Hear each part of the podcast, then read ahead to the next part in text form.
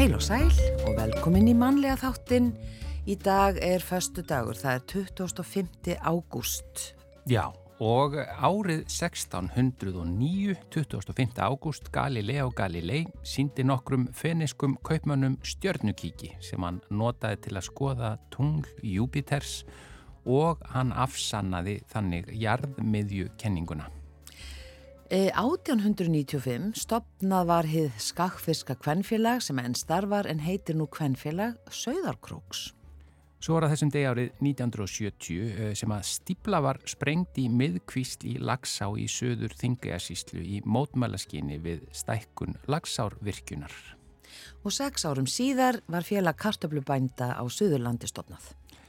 Á þessum degi árið 2001 eh, gekk Hákon Kronprins Noregs að eiga Mette-Marit Tjessem Haubi í Osloar domkirkju og það, þetta brúðkaup vakti nú talsverða aðtikli og, og það var ekki allir sáttir því að hún var fráskilin eh, einstæð móðir mm. sem að mhm. þótti nú ekki fínt fyrir Kronprinsinn en, en það er nú allir búin að jafna sig á því held í dag Já. og hún er bara mjög vinsal held í Noregi. Já. Sem Svo... enda er hitt bara doldið rugg sko. Akkurat. 2011 Steve Jobs sagði af sér sem fástjóri Apple. Já og hann gerði það í rauninni bara af heilsu sögum því að hann lést bara rúmu mánuði síðar. En uh, förstudagsgestinir okkar í dag eru bæjastjóra hjónin í hveragerði, Geir Sveinsson fyrir um landslísmaður í handbolta og Jóhanna Viljámsdóttir fjölmiðlakona og reythöfundur og mikil áhuga manneskja um heilsu en hún er höfundur bóka, uh, heilsubóka Jóhannu sem kom út fyrir nokkur árum. Já, og þau eru svona tiltölu nýflutt heim. Já, og ég vennu bara viðkennað að ég hafði ekki hugmynd um að hann var hann bæjastjóri og, og, og þau bæjastjóra hjón, hann, að, þau komu heim í fyrra vegna einmitt bæjastjóra stöðunar og Jóhanna eh, nú fyrir rúmlega viku síðan bara nýkomið þau að búið í Östuríki og Þískalandi undanfæran ára en eru eins og áður sæði komin til hveragerðis. Við ætlum að spjalla við um líf og tilvöruna og þau verða með okkur líka í matarspjallin. Já, kom síðan í ljós að þau hafa mikinn áhuga á matargerð. E, Geir er búin að, svona hvað maður að segja, mastera súrdegið, svo maður slettið hans. Já. Og já, og svona öruglega eitthvað, svona heilsu, einhver heilsuráð sem, sem hérna, Jóhanna getur gefið okkur og þau bæði, já. varðandi mataræði, ekki veiti nú af. Þannig að, já, við fættum til. Það verðum nóga spjalla bara fyrst, fyrst förstudags gesta spjall og svo bara matar gesta spjall.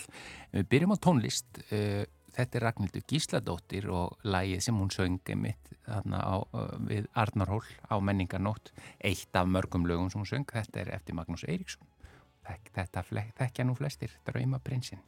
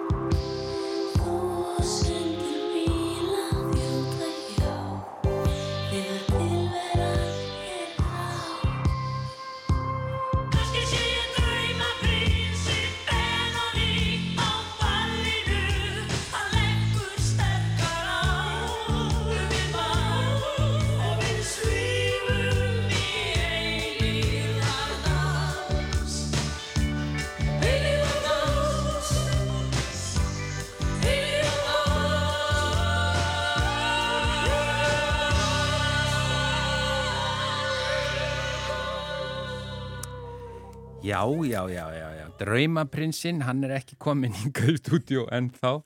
Nei. En þetta var semst Ragnhildur Gísladóttir að syngja lag Magnúsar Eiríkssonar en Draumaprinsessan er hér. Já, Ná, okay. og sko Draumaprinsinn en að Jóhannu Viljámsdóttir, hann er á leiðinni, mun sennilega banka á dýrnar hjá okkur eftir nokkra mínutur, þannig að hlustendur kannski gera sig grein fyrir því að það verður mikill skarkali, þá er Gunnar að standa og fætur og opna dýrnar.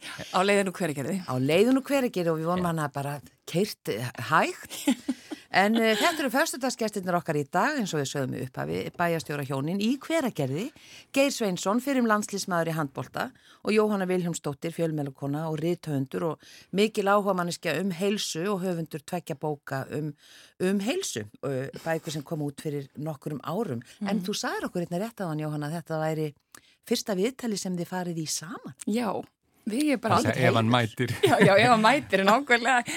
En hérna, já, þetta er bara fyrsta viðtalið að því að maður er búin að fara auðvitað í alveg fullt af viðtalið gegnum tíðina og svo var náttúrulega maður sjálfur. En ég tók viðtalið við samt hann í gamla daga áður en að við fórum að vera saman. Já, many, já. many years ago. Já. Hann er komin, já, þannig að, já, hann er að koma hérna inn. Og manns, velkomin Geir Sveinsson. Fáðu sæti. Sáðan að sjá þig. Við vorum bara að byrja. Við erum bara í beitni útsendingu. Það er ekkert annað. Ég var að beina. Að því að Guðrún var að spyrja mig hvort að ég, hérna, þetta var í fyrsta vitt til okkur saman. Og það er þannig. Ég held það. Já, Já. En, en ég sagði þeim að ég hefði tekið vitt til við í gamla dag þegar ég var á stöð 2 í bítinu. Hérna, já, bara það var svona fyrir okkur tíð. Þannig að við þekktumst alveg áður en að við fórum að vera saman. Sko. En, en muniði bæði eftir þessu vittali? Já, þetta voru ábygglega nokkur viðtöl sko. Já, þetta bara svo leiðist. Já, alveg ógleymuleg viðtöl. Vartu svona góður? Já, spyrirli var mjög góður. Nei, nei. Ég þefst af spyrirlinum. Getum orðað þess að svo. Nei, nei, en svo bara, hérna, þetta er áður, hérna, já, já, áður en við fórum að vera saman. Þetta var, ég var í bítinu 2001-2003. Já, akkurat. Og hérna, það er bara, ég menna, tók við að þér. Það voru skemmtilegi tímar, Jóhanna. Veistu það, ég bara, og þá vorum við í sjónvarpinu mm. og hérna, og þetta var, og ég man alltaf eftir þér og Snorra og svo hérna náttúrulega þegar mér bauðst að taka við þarna, þetta var auðvitað bara þú veist, hérna, mér langaði auðvitað mest að segja nei að því að þetta var svo stressandi einhvern veginn að fara að vera svona í beitni á hverjum einsta mótni en, en reyndi síðan og, en Þórhallur svona fann mig í gegnum Brynju kona sína. En ég var alltaf búin að vera að vinna á rúf áður. Einmitt aðeins í fréttanum og svo sem þula mm. og svo var ég að fljúa hjá Íslandir áttu ekki að byrja mér, var það ekki svolítið? Þú voru búin að segja það. Að við ætlum að spóla því að sagt, við skiptum þessu yfir þetta í svona tvo hluta. E, spólum aðeins tilbaka og fáum aðeins hérna, að vita um þinn bakgrunn, mm. þínar, þínar rætur Jóhanna, líka þar það er bara hér í Reykjavík eða hvað? Já, raunverulega, en, en hérna en svona, þú veist, ég er, er ættu, og mætti segja, ég ættu úr eigum langaðu kom þaðan það er Jónsenættin sko. Já. Já og hérna Baldur Jónsson var afið minn, læknir og hérna starfa, hann starfaði í eigum og þau byggu í eigum í eitthvað tíma. En hann fór ungur upp á land um, og, og fór, að, semst, fór að nema uh, þannig að og kom svo aftur sem læknir sko eftir það. En um, en svo, sko, svo finnst mér alltaf einhvern veginn tengjast vestfjörðum en, en ég á ekki eitt mann að reykja þangað. En, en sem stóttu mín á eittir sín að reykja þangað sem stík gegnum pappa sinn. En síðan bjó líka afi og var hér, hér að slegna á augri baldur á sín tíma sko. Já. og svo er föðufjölskylda mín og svona partbræðinu eittir að reykja og hérna austfjörðina. En hérna en, en amma Helga, hún kom hún í Arvíkonum En hvar í, sem sagt þá í Reykjavík, hvar já, ertu fætt og uppar, hvar, hvar, hvar eru þína slóði? Ég bara byrjaði í eskiliðinni, sem ég aldrei fyndi að því að svo áttu við mm. hérna eindislega íbúið í eskiliðinni og eiginlega tvær. Ná, í tvígang, í tvígang já. Já, þannig að ég byrjaði þar, fór svo háleitsbröytina og eignast þar dásanlegar esku vinkonu sem ég venn þá en ég, að því ég flytti þann sko var ég í, í, í hérna, hvað heitir skólinn? Háaliðis Áltamýraskóli, já, já, já, já, og flutti semst þaðan áttara og byrjaði semst í áttarabekk í Hólubrekkuskóla og þá flutti við í Breitholdið, fjögum í Dúbnahólum 6. Ekki tíu. Ekki tíu, nei. Var það tíu? Ó, ég held að það hefði verið 6. Já, var það ekki 6? Ég sótum mér ekki að Dúbnahóla 10. Já, nákvæmlega, já, já, ég bjóða það rétt, já. Var það tíu? Og svo hérna, og meðan að mamma og pappa voru að byggja í Másalunum og þetta var um það leiti sem að þú veist bara Breitholt var að byggjast upp og hérna byggun og ekkert eða þannig, þú veist, þetta er náttúrulega bara gjör breytt í dag og hérna gróðrivaksið og við sérst fluttum þetta í Másólana í einbilshús bara alveg við Elladalinn og þá hafði maður alveg geggjað útsinni út um allt Mm. en svo var þetta bara einhvern veginn bara trjám, tré voru gróðusett bara einhvern veginn hann í dalnum, þú veist, þetta var ekkert plan og ekki neitt, þannig að húsin sem eru þarna uh, það er ekkert útsinn lengur Nei. Nei, En dá, dásamlegu staður er það ekki að vera á sem barn, er það ekki að alast upp á bara í þarna náttúru perlu? jú, jú ég, þú veist, ég var samt kannski ekkert mikið þá að tengja þannig eins og ég myndi gera í dag Mm. að því að náttúrulega bara þetta er dásalegur dalur, sko Þá var þetta kannski líka meiri berangur heldur en í dag. Já, Nú komið meiri gróður almennt í dalinn og, og bæði það. þarna fyrir það sem þið bygguð hann. En þetta var fínt að alast þarna upp og ég menna þetta er alltaf bara mikið að batna fólk út um allt og, og, og, já, og Já. síðan bara lág leiðin eftir þetta, ég var alveg þarna upp í tíundabæk og lærði á píanó, ég var náttúrulega í tómætskóla Reykjavíkur og síðan í tónlistaskólinum og, og hérna lærði á píanó í mörg ár og síðan, uh, já, var að fulla í íþróttum og fimmleikum og bara, þú veist, bara í öllum íþróttum sem, mögulega, uh, já, sem var hægt að stunda. Já, vel, vel virk. Já, rosalega, sko, og mikil svona íþróttálfur, sko, mikil strákastelpa. Þú veist, ég var að skoða mér, ég var bara í íþróttagalanum og, og bara, þú veist, bara eins og strákur alveg þangað til 16 eitthvað. og var ekkert að hugsa um útlitið eða, eða taka sjálfur. Nei, það var að- engin að taka sjálfur á þessum tíma. Nei. Ég reyndi já. það eins og í spekli, það var, það var, það var ekki hægt. Já. Nei, að því að svo, Með, með flassið. með flessi nákvæmlega. Nákvæmlega sást ekki til flass. En já, og svo bara fór ég í Versló og hérna kláraði sérst það og ætlaði út í námen en fór til Fraklands og lærið smá frönsku og var svo ástökin að ég kom heim og eignast elstu dóttu mína og hérna og síðan fór ég um, í stjórnmálafræðina. Í háskólanum. Já, Já. var líka vinna hjá Erlu lengi, Erlu Frænku Tjekkristel, sýstrans pappa og góða tíma það, sko. Já. Og Geir, Já, þína, þína rættur. Hvaðan það ert þú? eru mest megnis í Reykjavík. Ég get þó eitthvað tekt með vestur líka, ég bæði gegnum þessat föður og móður og hérna, þannig að það er eitthvað, en mest er ég bara hérðan úr Reykjavík. En sko, va- valsari, ertu búin að, ertu alveg upp í valskverinu? Það, Já, það er svolítið merkjald að ég er alveg upp á leifskutunni, Já. var þar í 20 ár og ég hef eiginlega mest verið, fyrir utan náttúrulega mín ára elendis, búið á þessu svæði, þar sé 105 eða 101 já.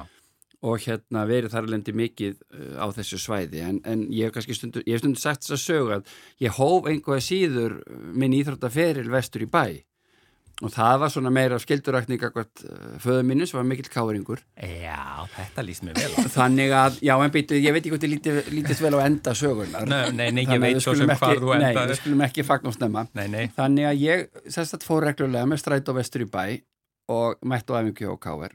Uh, síðan mætti ég einn daginn á, sérstætt eftir fyrstu vikuna var bara nokkuð sattur. Ætli ekki verið svona 7-8 ára og, og kannski nýju. Og, og ég mætti þarna og, og, og kem sér á mándeginum og þá bara voru allir farnir á laugavatn í æfingabúður, þessi, klúpur, eða sagt Þú varst ekki látið um vita? Ég var ekki látið vita og ég var svo móðgæður, ég fór aldrei aftur vestlum. Nú, nú. Valur heppin þar. Já, og þá fór nú að hlera þetta. Já, já. En það var líka nær og svona, og, og, en það var engin þrýst ykkur á pappa hvað Já, hvað sagði en- pabbi við Nei, ekki neitt, það stuttir mér bara alltaf alveg sama og það, það nátt að vera í sjálfu sér. Mm. Maður á ekkert að vera með allt og mikla flokkapólitík, þó að, þó að mínir drengi sér alltaf konur í val núna og þetta er svolítið fyndið að skulu nefna það vegna þess að það kvarla aldrei neitt að mér núna en að drengindi mínir færi í val. sko. Nei, nákvæmlega, maður er ekki verið ekki. Og er sko. En í hvaða skóla varstu þá? Í Austurbæðaskóla? Austurbæðaskóla, já. já. Ég bara rölt upp leifskotuna og svo tók maður bara til hæri barónstíðin og þá var maður komin í Östubæðaskólan. Já. það var eindislegt hverfi og, og bara opaslega mikið og góði vinir sem maður hérna eignast í því hverfi Östubæðaskóli fannst mér frábær og skemmtilegur og uh, góða kennara og almennt bara þetta náttúrulega var á sínum tíma eitt fullkomnasti skóli Íslands og, og sennilega bara í Evrópu hann var all, öllu búinn, kvikmyndasal og leikvimmisal og sundlaug og, og hérna Þetta er bara einn fallegasti skóli bara Þar fyrir utan, finnur. Þetta er já. bara eins og á að vera í bíómynd skóli. Svo Já, næga já, þeirra lítið í nákvæmlega bíómynd. og ég mitt svona fekk smá nostalgíu og fór í heimsótt ekkit, já, fyrir einhverjum árum og, og það var bara mjög gaman en eins og oft vil verða þá finnst manni allt orðið einhvern veginn miklu minna Já, heldur en er í, í minningunni Herðu, og þessum tíma þá fengu ég lýsi í skólanum hann passa Já. upp á það og það var, til að koma í veg fyrir D-vitaminskort, þá voru krakkarnir settir í ljós Nú, já, pæliði því Já. Náður því, Geir? Já, já, það voru nokkri ljósabekki sem voru þarna niðri og þú bara röltir þarna niður og Fúst í ljós fór bara? í ljós bara í skólanum og maður fekk þessi forláta gleru hérna á, á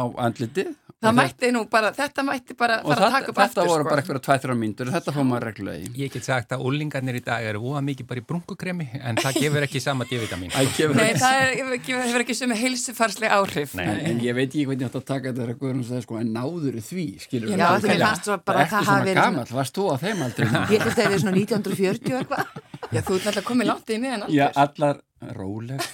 Allar myndirnar skilur frá þeim tíma akkurat svona, já þetta er eitthvað 40 bara upp úr stríðsárunum eða eitthvað þess að Já, sko. en en þetta var svolítið merkilegt. Og þarna var hjúkurnufræðingur reglulega og maður var sendur alltaf reglulega niður sko, bara í augskoðun, lækningsskoðun og þetta var bara einstaklega þegar maður hugsaði tilbaka fullkomið hérna umhverfi. Ótrúlega, og það er verið að fylgjast þetta með D-vitamin búskap barnana. Já, já, algjörlega. Að og Skiptir, reglulega gefnar svona sko þar misgóðar þessar, þessar lísispillur sem voru gefnar Já, já. þetta var svona, en fyrst uppalega var það bara lísið sjálft og svo var það breyttið þessi lísispillur sumir fannst það mjög gott og voru að læ- læðast inn í skápin og stela þess og styrtaðist í sig sko Og Lísinu Nei, lísispillunum Pillunum. sko, þetta var ekki þessar sem þú nákvæmlega, þessar Já, pínu sem voru litlu sætar, voru sko. Já, sætar er sko það? Ég man eftir þeim. Já, akkurat, En, það er nú alveg aldursmunur á ykkur Já, ekki mikill. Ekki svo Nei, Nei. það, hann er kannski eitthvað sem, ég veit ekki hvort hann er eldra sískri sem stál dollinu og átt hann heima. Reyndar ekki. Sko. En ég menn, svo kom það líka með hérna flúorkennslun og maður þetta, Já, já, nákvæmlega. maður ég- mátti já. náttúrulega ekki kingja, ég ætla Nei, að segja nákvæmlega það var og líka. guðsilöf var ekki sett flúor í vatnið okkar já, Já. Það er náttúrulega bara algjört eitur að fá í líkamann í ómiklu magni og bara hérna, Já, dregur úr meira sér greinda vísutölu og það er bara að rannsóknir til að því, þetta já. Já, Já. þannig að það er mjög mikilvægt að þingja, kyngja ekki tankreminu sko já, akkurat. En svo manni það líka, við fórum í, við fórum í hérna berglapróf og Já, það já. voru settir á manni berglaplástra. Já, ég man líka til því Já, já, Það var maður jákvæður eða neikvæður? já, akkurat. Já, Ég man ekkert hvað ég var Nei, það voru allir neikvæður, Er það ekki? Jú, Já, við hafa einhvern tíman hitt berkla hérna, já, veiruna, nei, þetta var ekki svo já. Já, en já, þetta er svolítið merkilegt að skuli minnast á þetta, hvað einhvern veginn var svona hugsað betur um heilsun okkar á, á þessum tíma, Já, eða ég veit já, ekki já, hvort jú, það er ég, ég ætla betur. svolítið að fara þangað. Kannski og- líkamlegu, kannski ekki andlegu þarna. Nei, kannski daga. ekki, svo við erum kannski tala um í rauninni hvernig væri hægt að sinna betur sko, andlegu hliðin almennt en, en, en klárlega varðandi líkamlega þáttinn og, og annars sem við glemum að nefna bara greiðlega fullkomið eldhús þarna. Og matreysla kent og maður bara fór í þessar matreyslu og saumanámskið og smíða smíði og allt þetta. Og þannig að þetta var í sjálfu sér bara mjög fullkomið og svo bara, svo ég tala nú ekki um hérna reyfinguna leikfimiskennsluna sem slíka. Og ég hef mikla skoðanir á því og ég tel að henni hafa farið gríðarlega aftur almennt. Og hvernig? ég bara, hún var miklu markvissari, hún var oftar og, og bara óbúrslega góð kennsla. Og ég þakka, ég Þorður Pálsson, gríðarlega öflugur leikvumskennari sem hann kendi mig leikum sín tíma, var í landsliði Íslands og kefti olimpíuleikunum í fimm leikum, gríðarlega flottu maður. Og ég þakka honum alveg einstaklega bara í rauninni þann grunn sem hann bjóð til hjá mér, bara að setja mér upp á íþrótnar að gera. Og, og, og ég í rauninni, þú veist, þú varst að hoppa yfir hest og varst í rimlónum og þetta líkamlega en samt, sko, fegstu líka að fara í ykkur bolta og gera og leika þér þannig að þetta var ég sakna þess, ég er svona, að því að setna meir þegar ég fór að vinna í Íþróttakademinu í, í Reykjanesbæ að þá laðist ég svolítið yfir þetta því að við vorum í Íþróttakennaran á sem í dag er, er alferri kent í háskólanum í Reykjavík að, að þá löðustu svolítið yfir þetta hvernig kennslan væri og, og það, þetta er 2004-05 og, og þá sá ég strax að hérna að henni hefði farið aftur að mínu viti. Nú ertu komin í áhrifastöðu.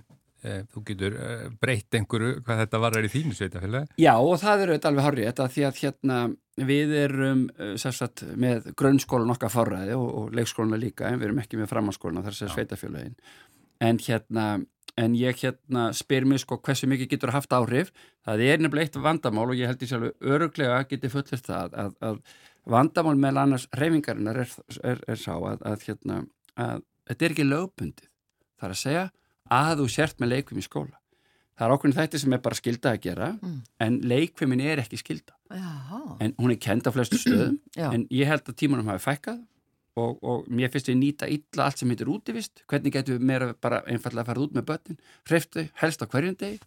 Bara allir byrja að satnast úti og gera eitthvað. Mm. alveg saman hversu gammal þú ert. Og ég held að, að í ljósi þessi dæmi við erum alltaf að greina bönnun okkar meira og, og, og hérna, svo getum við þetta rætt það sérstaklega hvort að hvað hafi or, orsaka það að við séum komið miklu meiri greiningar? Við stundur rætt þetta, sko, er allt fullt eru ellheimilin fulla fólki með alls konar greiningum? Skilju, hvað eru þau þá í dag sko? en, en, en var þetta ekkert áður fyrir það er þetta orðið svona í dag? En almennt með börn sem eru að fása greiningar þá er eitt besta meðali það er reyfingin að fá útrúsin og komast út og ákveður þá ekki að byrja skóladaginn á því mm. að við förum út og svolítið djöflust og gerust og ég myndi glaðu forna bara fyrsta tímanum bara í þetta ah. og þá erum við bara að fekka kennstundum en, en ég held að við fáum miklu betri mm. betri, við skulum segja bara einbyttingu og svo náttúrulega þetta nýjasta sem allir er farin að tala um var þetta síman sko Já, já, það er með ólíkjutum að það hafi ekki verið gert í upphafi. Mm. og við höfum náttúrulega góðan samanbörð frá Þískalandi með okkar drengi. Já. nú er þeir konu heim og báði byrja í mentaskóla og við fórum í heimsotni í mentaskóla skoðum skóla. Og svo komum við út og þeir spurðu bara hvernig stendur á því allir með eitthvað erunum og það náttúrulega var eitthvað, eitthvað Airpod, er, er, hvað heitir þetta hérna? Airpods og eitthvað þess að þar og akkur allir með síma inn í skólanum? Mm. Þetta er bara bannað út í Þískalandi. Já. Þú mátt hafa síman með þér en hann fer bara á, á hérna... Onni tösku. Onni tösku á flumót og eða hvað þetta heitir og, og bara off. Já. Og þetta tröflar ynga kjenslu ekki neitt. Já. Aðeins kannski áður en við fáum uh, lag.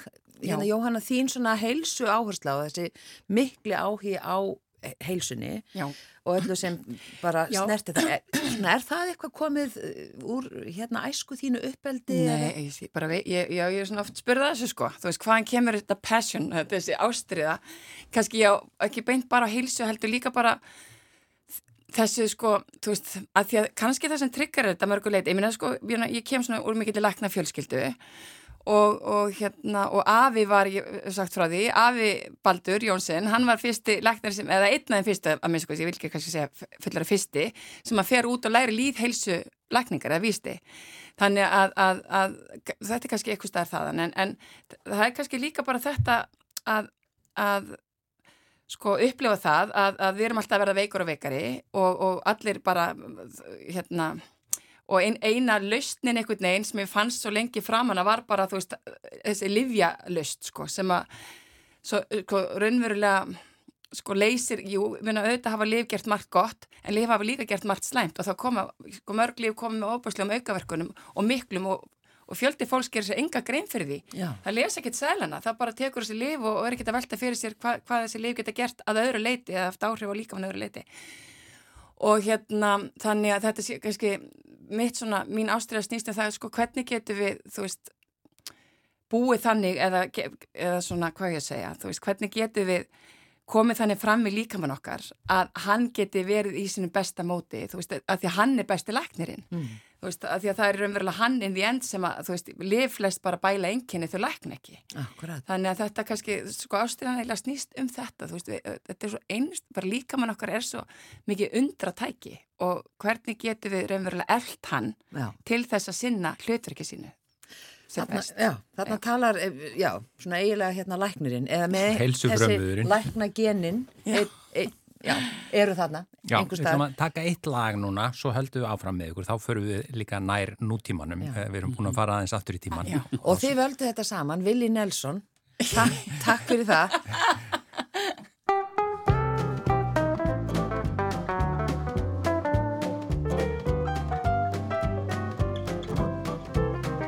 If the world keeps on turning, and I'm sure it's bound to do, then I'll keep on loving you. And if the dawn comes tomorrow, and we know that it is true, then I'll keep on loving you. But what if things change? The sky would fall, the dawn wouldn't come, the world would stall. I wouldn't care as long as you're near, it wouldn't matter to me at all. And if the stars stay in heaven and the moon stays in the blue, then I'll keep on loving you.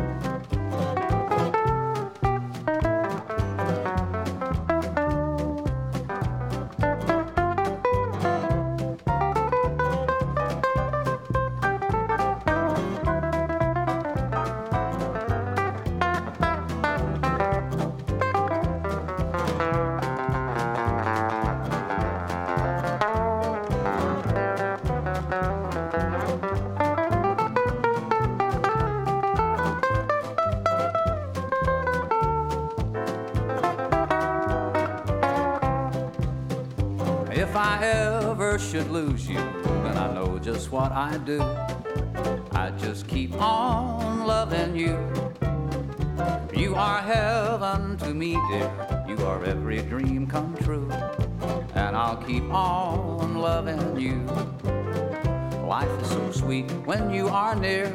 I couldn't do without you, my dear. I love you so, I want you to know. I think of you wherever I go. And I'll always be faithful, sure that you'll be too. And I'll keep on loving you. Then I'll keep on loving you.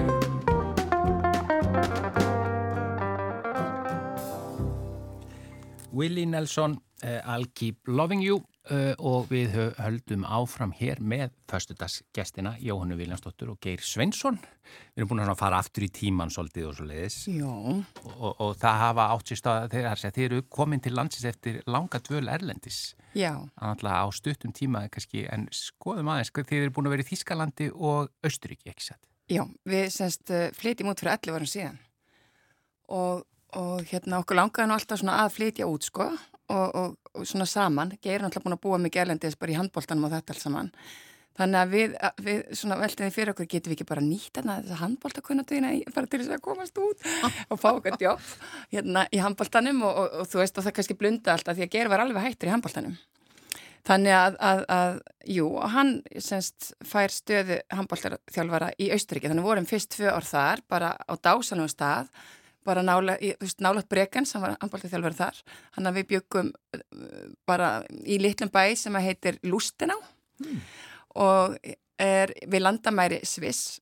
Og þetta er í semst vestur hluta, þetta er bara nálagt, semst, hann er bara mjög nálagt Brekens. Og Brekens stendur við Lake Constance eða hérna Bótensi, heitir það, já, bara óbúslega fallegu staður.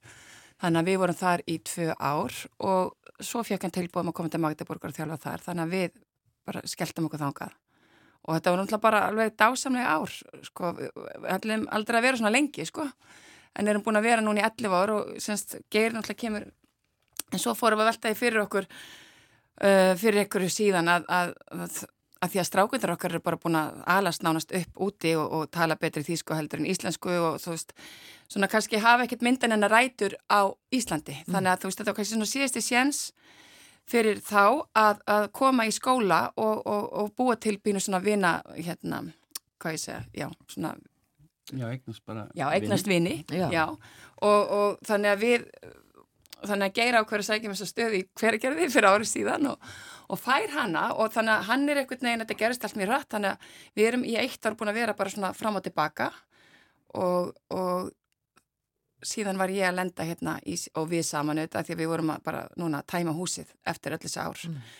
um, og Hús, í, í síðustu já. viku bara setja allt í gám og gámur komið til landsins sko en, en, en þetta var náttúrulega bara dásalegu tímu og eins og sérstaklega á náttúrulega báðan stöðum en byggum í svo indislegu húsi, þú veist, maður má ekki verða svona attached sem að ég varð rosalega og ég við eiginlega bæði, bara við staðin og húsið og út í skógi í húsi frá 1935 þú veist, risa hús, sko og með öllum sem díteilum, þetta var brúðköpskjöf eða brúðargjöf ekki, mm. já, og hérna sem var svona bjórbruggari í næsta bæ sem átti þetta hús og það var steindir glukkar að fram, þetta er svona hans og Gretu hús svona, eins og þú eru kemur að því, sko og, og allir dítilandir í húsinu sko, reysa gangur þar kemur inn og lofti málað og en allavega, þannig að þetta var rosa átaka bara einhvern veginn að fara þaðan. Þú veist, mér ah. langaði ekki að flytja heim sko. Ég bara trúi því.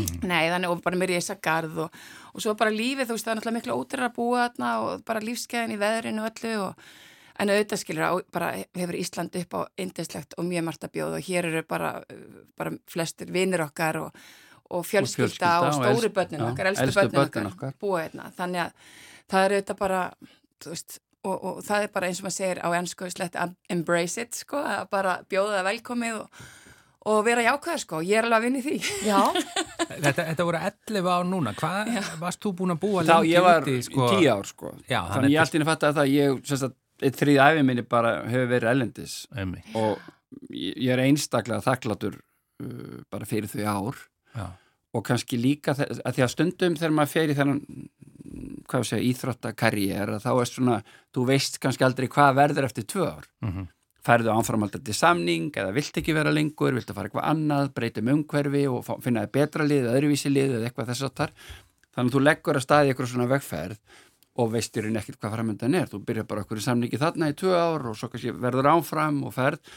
Og, og ég kannski að því að stundum er þetta spurning, viltu bara vera á sama staðinum í tíu ár eins og við kannski erum búin að gera og, og sem sagt í, í svona segja þessari setnu tört hjá mér eða ertu bara tilbúin í það alltaf að vera að breyta um og eitthvað annað. Og ég, þa- þannig var það hjá mér.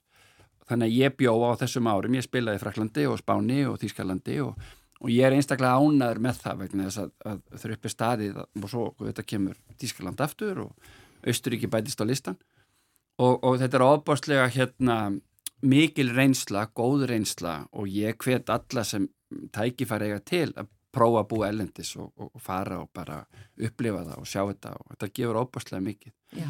og þessi tíu ár þarna já, e- Nýjári í.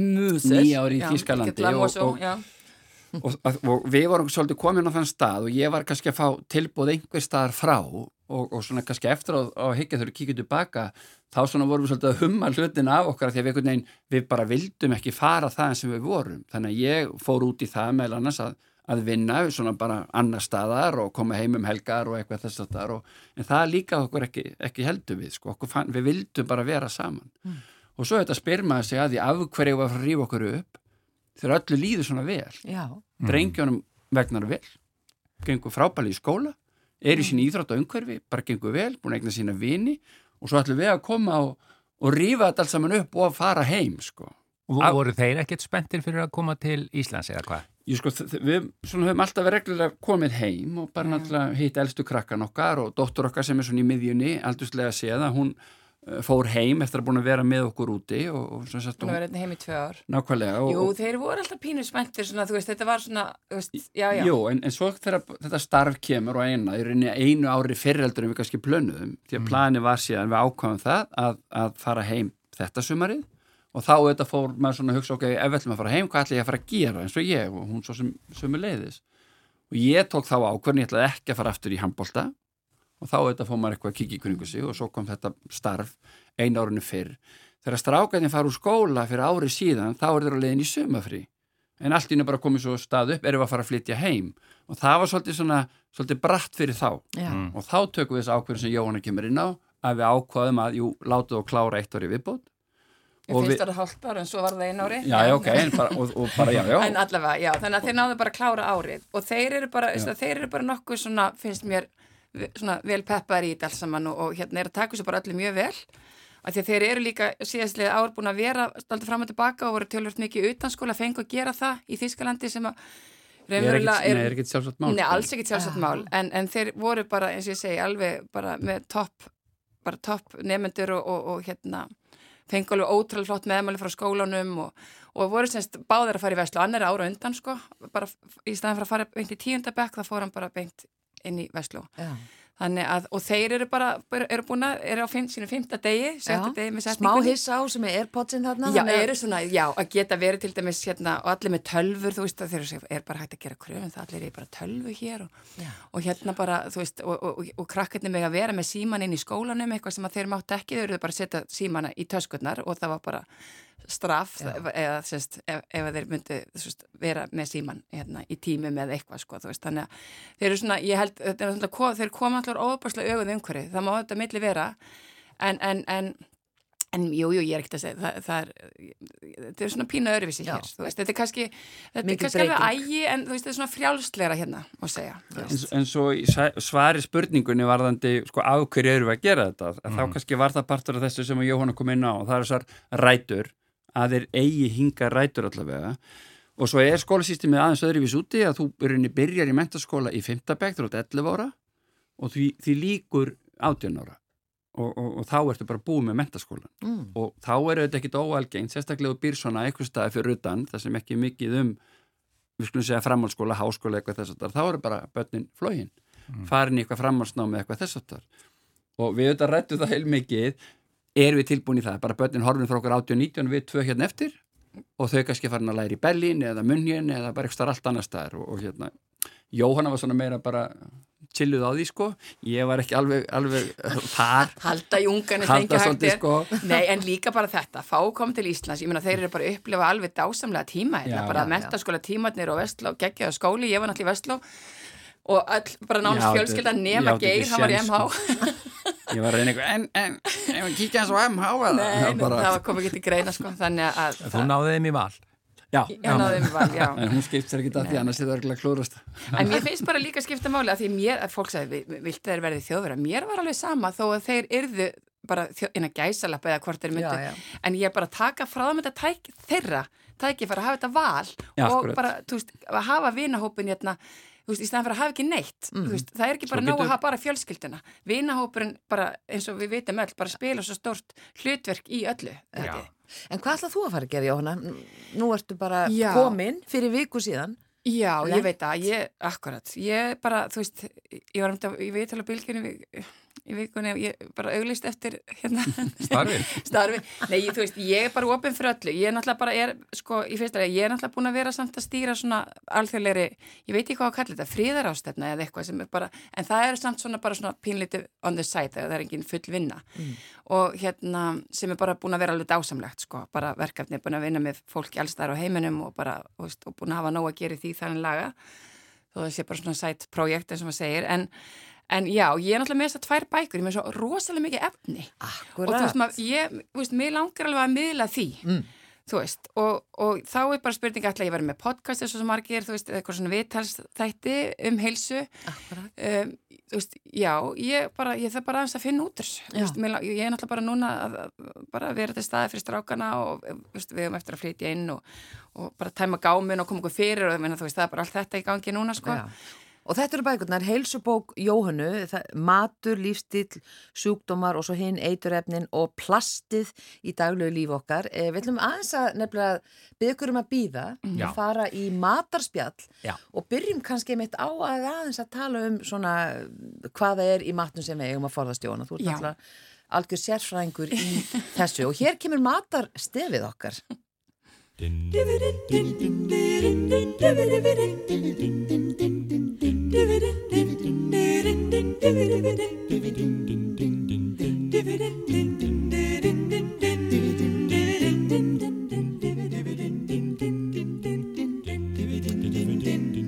stefið og uh, Jóhanna Viljánsdóttir og Geir Sveinsson, bæjastjóra hjónin í hveragerði, eru föstudagsgestir okkar. Við hleyftum þeim ekkit út. Nei, Nei, nákvæmlega, hún Silla vinkun átt að vera hérna. ja, hún á að vera næsta föstudag. Já, Við ok. þetta, já. Já, er það svoleiðis? Já, Já, já. nákvæmlega, já. Mætir sterkinn fyrsta september eins og hann átti alltaf að gera. Ég skilði, nei, ég bara var búin að laka til að hitta hana hérna. Já, En- einmitt. Nei, nei.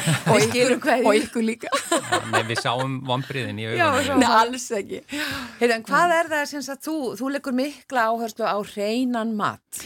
Já, sko, ég er náttúrulega bara svona ástrið og bara haft lengi mitt fyrir sko bara mat á neyturöfna þegar veist, það er svona partur af þessu þú veist, bara allar þessar ræktunaraðferðir og hérna sem að við hefum, sem er orðna svona hinnar hefðbundu með öllum þessum eituröfnum við vissilega notum minna af eituröfnum á Íslandi, það og ég sko, ég hefði bara, minn draumur hefði bara verið að Ísland yrði lífrænt. Lífrænt er svona eina kannski þar sem við höfum neytendur, svona eina, hvað ég segja, systemið, þú veist, sem er svona vottað þriðjaðala sem að við neytendur getum treyst á, þú veist, að sé, sé ræktað með þessum aðferðum. Já. Þannig að, að og, og að því að það var oft sagt, það er engin munur á lífræn og þessu og þetta eru allir að svindla og svona, það er bara alls ekki þannig og ég laðist bara mjög mikla rannsóknir á, á þessu, eða að lesa rannsóknir sem hafa verið gerðar og það er bara gríðalegu munur á, á venjulegu mat og mat sem er lífrætt og það er til dæmis bara hægt, veist, bara rannsóknir á börnum sem að borða bara lífrænt í eitthvað tíma og svo bara hérna ekki lífrænt í eitthvað annan tíma að þá er bara mjög stór munur á efnum sem þau eru að skilja út úr líkamannum í þæginu, sko. Þannig að Og afleiðingar sem þá fylgja því væntanlega. Já, það, þú veist, en það er bara svo, oft svo erfitt að sanna, þú veist, þú ert ekki bara með eitthvað, þú veist, tvíblunda empiriska rannsók, það er svona bara einn hóp sem gerir bara þetta og annan bara út lífið, það bara það hefur ekki verið gert. Já, já. Og hvaða merkjum eigum við að leita eftir? Nei, en þá er það bara, þú veist, þetta lífrana, uh, bara þetta lauf, en því miður bara, þú veist, jú, það er alveg, á, þú veist, það er ágætis frambóð hér, en það er bara ekkert í líkingu við það sem er úti, þú veist, það er bara miklu skemmtilega að versla úti heldur en hérna heima, Í svona maður líf, í þessu. lífrænu, já. Já, og svo því miður eru þetta bara mjög mikið af þessu lífrana, er dýrara heldur en þetta hefbunna og maður skilur alveg að fólk eru auðvitað að horfa í og maður er að gera það. Þú veist, ég hef alltaf verið þannig, ég, þú veist, ég kaupi mér ekki mikið, þú veist, en, og, og hérna, og en ég, þegar kemur að mat, þá bara horfi ég ekki á verðið, sko, ég bara leiði mér einhvern veginn allt í mat. En, en svo má líka bara, þú veist, það er alveg hægt að, þú veist, borða mjög hotlan mat á þess að það kosti mikið, menn alveg svo bönir maður getur bara keift þar, maður þarf ekki að kaupa í dósum. Það er heldur ekki gott að kaupa bönir í dósum þegar það þessi plaströnd inn á öllum dósamat sko.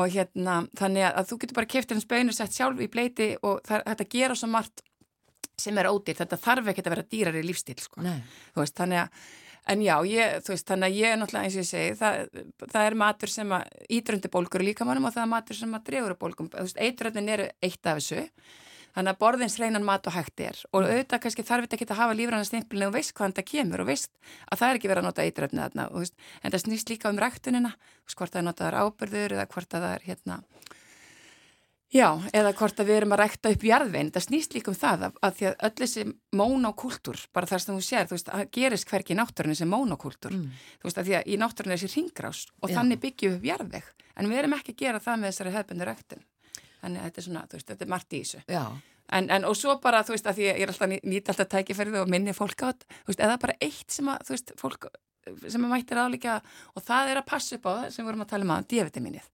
Af því að það er bara einn tablet svo einfalt. Og ég mæli með 5.000 einingum á dag, já, allavega 4-5.000 einingum og það er ekki hættur, þú var ekki D-vitamin af því. Og með helst K-vitamini. K-MK7 sem er sérst vitamin, bara í einföldu máli sem að hjálpar líkamannum að koma kalkinu að því að þú eigur kalkupptöku með D-vitaminstöku. í hverju er það? Ká? Uh, K, K er, þú veist, bara bakterjur þörmaninu með að framleiða þetta, þú veist, eh, en, og hérna, það getur verið í svona, er eftir hvaða K-vitamin það er, en til dæmis í svona gerjuðum ostum, þú veist, eða svona ost með svona kultu, kult, bakterjukúlturum í, þú veist, bara eins og bríi til dæmis, Já. nei, ekki bríi, já, bríosti til dæmis, Ok. en hérna og svo er K-vitamin líka í grænu öllu svona grænu káli og, og þannig en, en hérna. En það er gott að taka þetta saman, þetta er svona kófaktor með D-vitaminu, því að D-vitaminu er ekki bara til að koma í veg fyrir það að við fáum hérna beinkrum og svoleiðis það er bara algjör grundvallar þáttur í öllu ónumiskerfinu og það er sko vartandi þáttur fyrir krabbamein, hjartasjútuma bara name it, COVID eh, flensur, vír, eh, veist, bara allt saman, þannig að og það er því miður, þrátt fyrir allt þetta tal núna í, í mörg ár um D-vitamina þá eru bara mjög margir í skorti. Og það er meira hægt á því að þú sitt í skorti heldur en að þú fáur á mikið að því. Já, þannig að, já, já, gott að vita þetta. algjörlega Ekki spurning, það, það, ég bara heyri að hlaðvarps, hérna þættirnir eru framundan. uh, hérna, þú hefur svo miklu að miðla með þetta. Heldur betur. Já, Já, ég var að koma svo út úr bókunum líka en þú veist, Já, en þessar bækur þær fást hjá Bjarti og það er bara, þú veist, og eins og eitrafnabókin ég er að tala um þessi efni, hvar þau eru í kringum okkur hvernig við getum komið í veg fyrir að þú veist, hvernig við getum reynd að sneiða hjá þeim Mm. veist, og svo bara skiptir mála að borða hotlan og góða mat og, og, og, og hérna og nóg af andóksurum og öllu bara til að hjálpa líka mannum Að að reynsa. En það er akkurat varðandi sem hún kemur inn á sem er ágættis punktu varðandi þessa lífrænu uh, rektun og mat og annað að hafa aðgengið og það var þetta gríðarlega gott að núti í Þýskalandi. Þú, það er bara, þú getur fengið allt í rauninni lífrænt. Og, Mm. og hérna, en hér er það bara miklu þrengra. já. Nú er ég búin að fatta akkur er í hveragerði. Er ekki verið að rækta svo mikið þar? Já, það er hveragerði er svona vakka lífrætna ræktunar á Íslandi ein af þeim, sko, Mm. þá er náttúrulega auðvitað líka sólheimar Já, já. og það er merkilega starf sem að, hérna, er frábæra starf Já. sem er það. já, sem er það og, og var alveg frá byrjun, Við erum sko. með garðskólan í, í, í hérna á Reykjum fyrir ofan okkur. Já, Já. en þú ert kallaður súrdegsmeistarinn, eh, hérna Já. Geir, ég ætla ekki að sleppa þér áður en að við minnumst eitthvað á súrdegsbröðið. Ég veit ekki hvort við höfum að setja þetta mistari hérna í, í svega eða En ég verð bara að segja að hann byrjar vegna þess að veist, þetta var bara geggjað. En Við náttúrulega, þú veist, úti, þá var bara, hérna, veist, við, við hlökkum alltaf til hvers föstudags þegar þá eru súrdegspitsunar hans og, og, og hann laði óbærslega ást í þetta allt saman og, og masteraði þetta og, og bakaði brauð, súrdegsbrauð, regla og bara, já, þannig að wow. það var bara Já, geggjað. þá getur ekkert bakkað með það. Nei. Nei, nei, Og þú hefur rosalega áhuga á mat, miklu meir en ég. Þú veist, þó ég sé alveg í þessu heilsu og matur skipti máli, þá finnst mér ekki svona hann elskar að elda og hann sér um jólin, en ég sé um sósunar. en þú skilur þau, hann er alveg, þú er það. Já, já, ég, ég hef það alveg rétt, ég er mjög gaman að því en, en það sem kannski hún líka kannski svona passar mikið upp á er, er auðvitað bara hvers konar mat við erum að kaupa inn og hvaða mikið við sem að gera og. Já. og svo ég kannski meira að vinna úr ráfninu og annað og, Já. og, Skoðu uppskriftir. og, og skoðu uppgristur og eitthvað og ég hef einstaklega gaman að þessu varandi súrdegi þá vil ég kviknaði út frá að börnum erstu krakkarnir og bara hvernig að baka og gera og annað og það er einn varandi súr. Og hérna, þá fór ég nú bara að spá í þetta og þannig ég svona ákvað bara að, að reyna á það og svo bara laði maður að stað og það kannski tók, tók smá, tökum, eða, smá tíman og tökum á því að koma súrnum í gang og annað og bara gera hann rétt og allt þetta. Og, og svo fór maður þetta bara að byrja á pizzunum og prósa áfram í brauðinu og þess að það er og að því það er svo magnað að sko bara geta keft sér lífrænt kveiti og alls konar lífrænt kveiti Eða spelt. Já, ég er að segja, Já, já, já. eða bara spelt eða rú eða hvað sem það er, allt, allt lífrænt, færið allt saman úti. Mm. og svo ertu bara með vatnið og, og uh, bara that's it, það er ekki meira Kanski smá salt eða og svo, já, og svo bara þegar þú ferði restina að, að, að klá- að klára degið og undirbúa það allt, brauð og eitthvað annað, þá kemur bara smá salt út í og þetta bara kemur þetta guðdómlega deg út úr þessu öllu með, með natni og þetta og, og, og hérna. Og að því að ef þið pælið í bara brauðum í dag og innanslýsingunum, þetta er bara það sem á að vera í brauði. Þetta má setja korn og eitthvað svona út í. Já. en Jésús Kristur bara allar þessar innanslýsingar í einu brauði. Og svo bara repju ólja í öllu. Og ég veit að hérna líðarstöðu einhverju fræðingar er búin að vera að segja að það er allt til að borða allar þessar repjólju og allt, þetta er bara í öllu, bara öllu majónesi, þetta er í öllum salutum og þetta, þú veist, ég er ekki að segja að bara, ég, ég fá mér aldrei þetta, þú veist, að, maður gerir það alveg, þú stundum, en, en, en ég alveg tala, því að, þú veist, vandamáli er að við erum að fá alltaf mikið omega-6 úr fæðan okkar og þessar óljur sem okkur er sagt að borða í staðan fyrir smjör, til dæmis, og dýrafittu, eru bara óljur sem við voru aldrei á borðum okkar, bara í gegnum aldirnar. Já. Þú veist, þú eru nýfarin að vinna þessar óljur, þetta er bara fyrir mér algjör að yðnar óljur og ef þetta er ekki kaltrinsa þá er þetta bara ónýtar Þú veist, og, hérna, og það eru bara toksískar vegna þess að það er bara eðileggjast í allri vinslinni og svo eru sett efn út í þetta og annað og fyrir, veist, fyrir mér er þetta bara, þetta er raunverulega ekki matur, þetta er bara svo ódýrt, þetta er í öllum sósum og öllu. Bernesósun sem við kaupum út í búð, repjólja, það er allt bara, repjólja. mjög erfitt að sneiða fram hjá þessu Já, Já, en setið þið smjör á brauðið eða? heldur betur. Já, Já, við erum fullt af því vel. miklar smjörætu En, en sko þetta með súri og það, Já. ég veit nefnilega ekki nógu mikið um að gera þetta sjálfur, sko. E, e, það, þú þarft að eiga eða grunnin eða hvað er að mamman Þú býrð þann til. Já, og ert, komstu með bara frá Þískalandi eða þurftu að búa til upp á nýtt hér? Ég er ekki byrjaður hér No, Aftur. Akkur tókst hann ekki með? Þetta við leiði í dvala Er Hann þetta er eitthvað ekki sem að að maður- gera þetta. Nei, þetta er einhver, þetta, þú ert viku að koma upp góðum, Já, já. Nú. góðum hérna súr En er þetta ekki eitthvað sem maður samt sko fylgir fólki og á bara í ára tugi jafnvel hérna? Súrinn? Já, Jú, sko, þú, þú getur svona veltonum ánfram, þú Já. tekur af og svo bara þú, svo fæð, sem sagt, gefur hún að borða eins og sagt er, sko já. og sögum við kalla þetta sko nefnum og eitthvað annað, ég hef ekkert verið þar, sko og hérna, það er ekki eins og ég sé strjúkandunum alla daga eða eitthvað þess að það er tala við hann. En svona, maður liftur upp krukkunni og horfir á þetta, Jóhann horfði á eftir hvað er að tala um, sko, Jóhann. Og já, líkt að finna þetta, Finna svona sjá þetta, já. svona reyfingun í þessu og þá svona leið manni betur. En, en var alltaf að pizza gerast. botnar Já. og, og svo bara brauð. Já. Allt dásanlegt, þú, þú vottar fyrir Já, það. þetta er bara, þú veist, það er Ég bara já, Ég já. meina, ég vona að við tökum þetta upp aftur. Þetta er Já, náttúrulega bara búin að vera, algjörlega. ég því miður, hérna, tók ekki við hans kepli, þú veist, ég er ekki alveg þarna, sko, veist, en það er bara svo gaman að sjá eitthvað eins og hann sem hefur svona gaman að þessu öllu saman og, og ég meit, elskar að kíkja uppskriftir og svona allt gert með lípi og ég meina, hann bakar, hann bakar fyrir strákanu uppbólskökurna þeirra og, og bara geggjaði pappi. Bara frábært. Algjörlega frábært. Þú Og svo er þetta bara svo mikil slökun í þessu. Nú er það bara bæ, bæjastjóra brauð, er það ekki? Það er næst á dagskrá. Annars eru hvergenningar svo flottir, sko. Þeir eru með sín náttúrulega hverabrauð. Já, já. Þú eru seljandi þau hérna við um bæinn.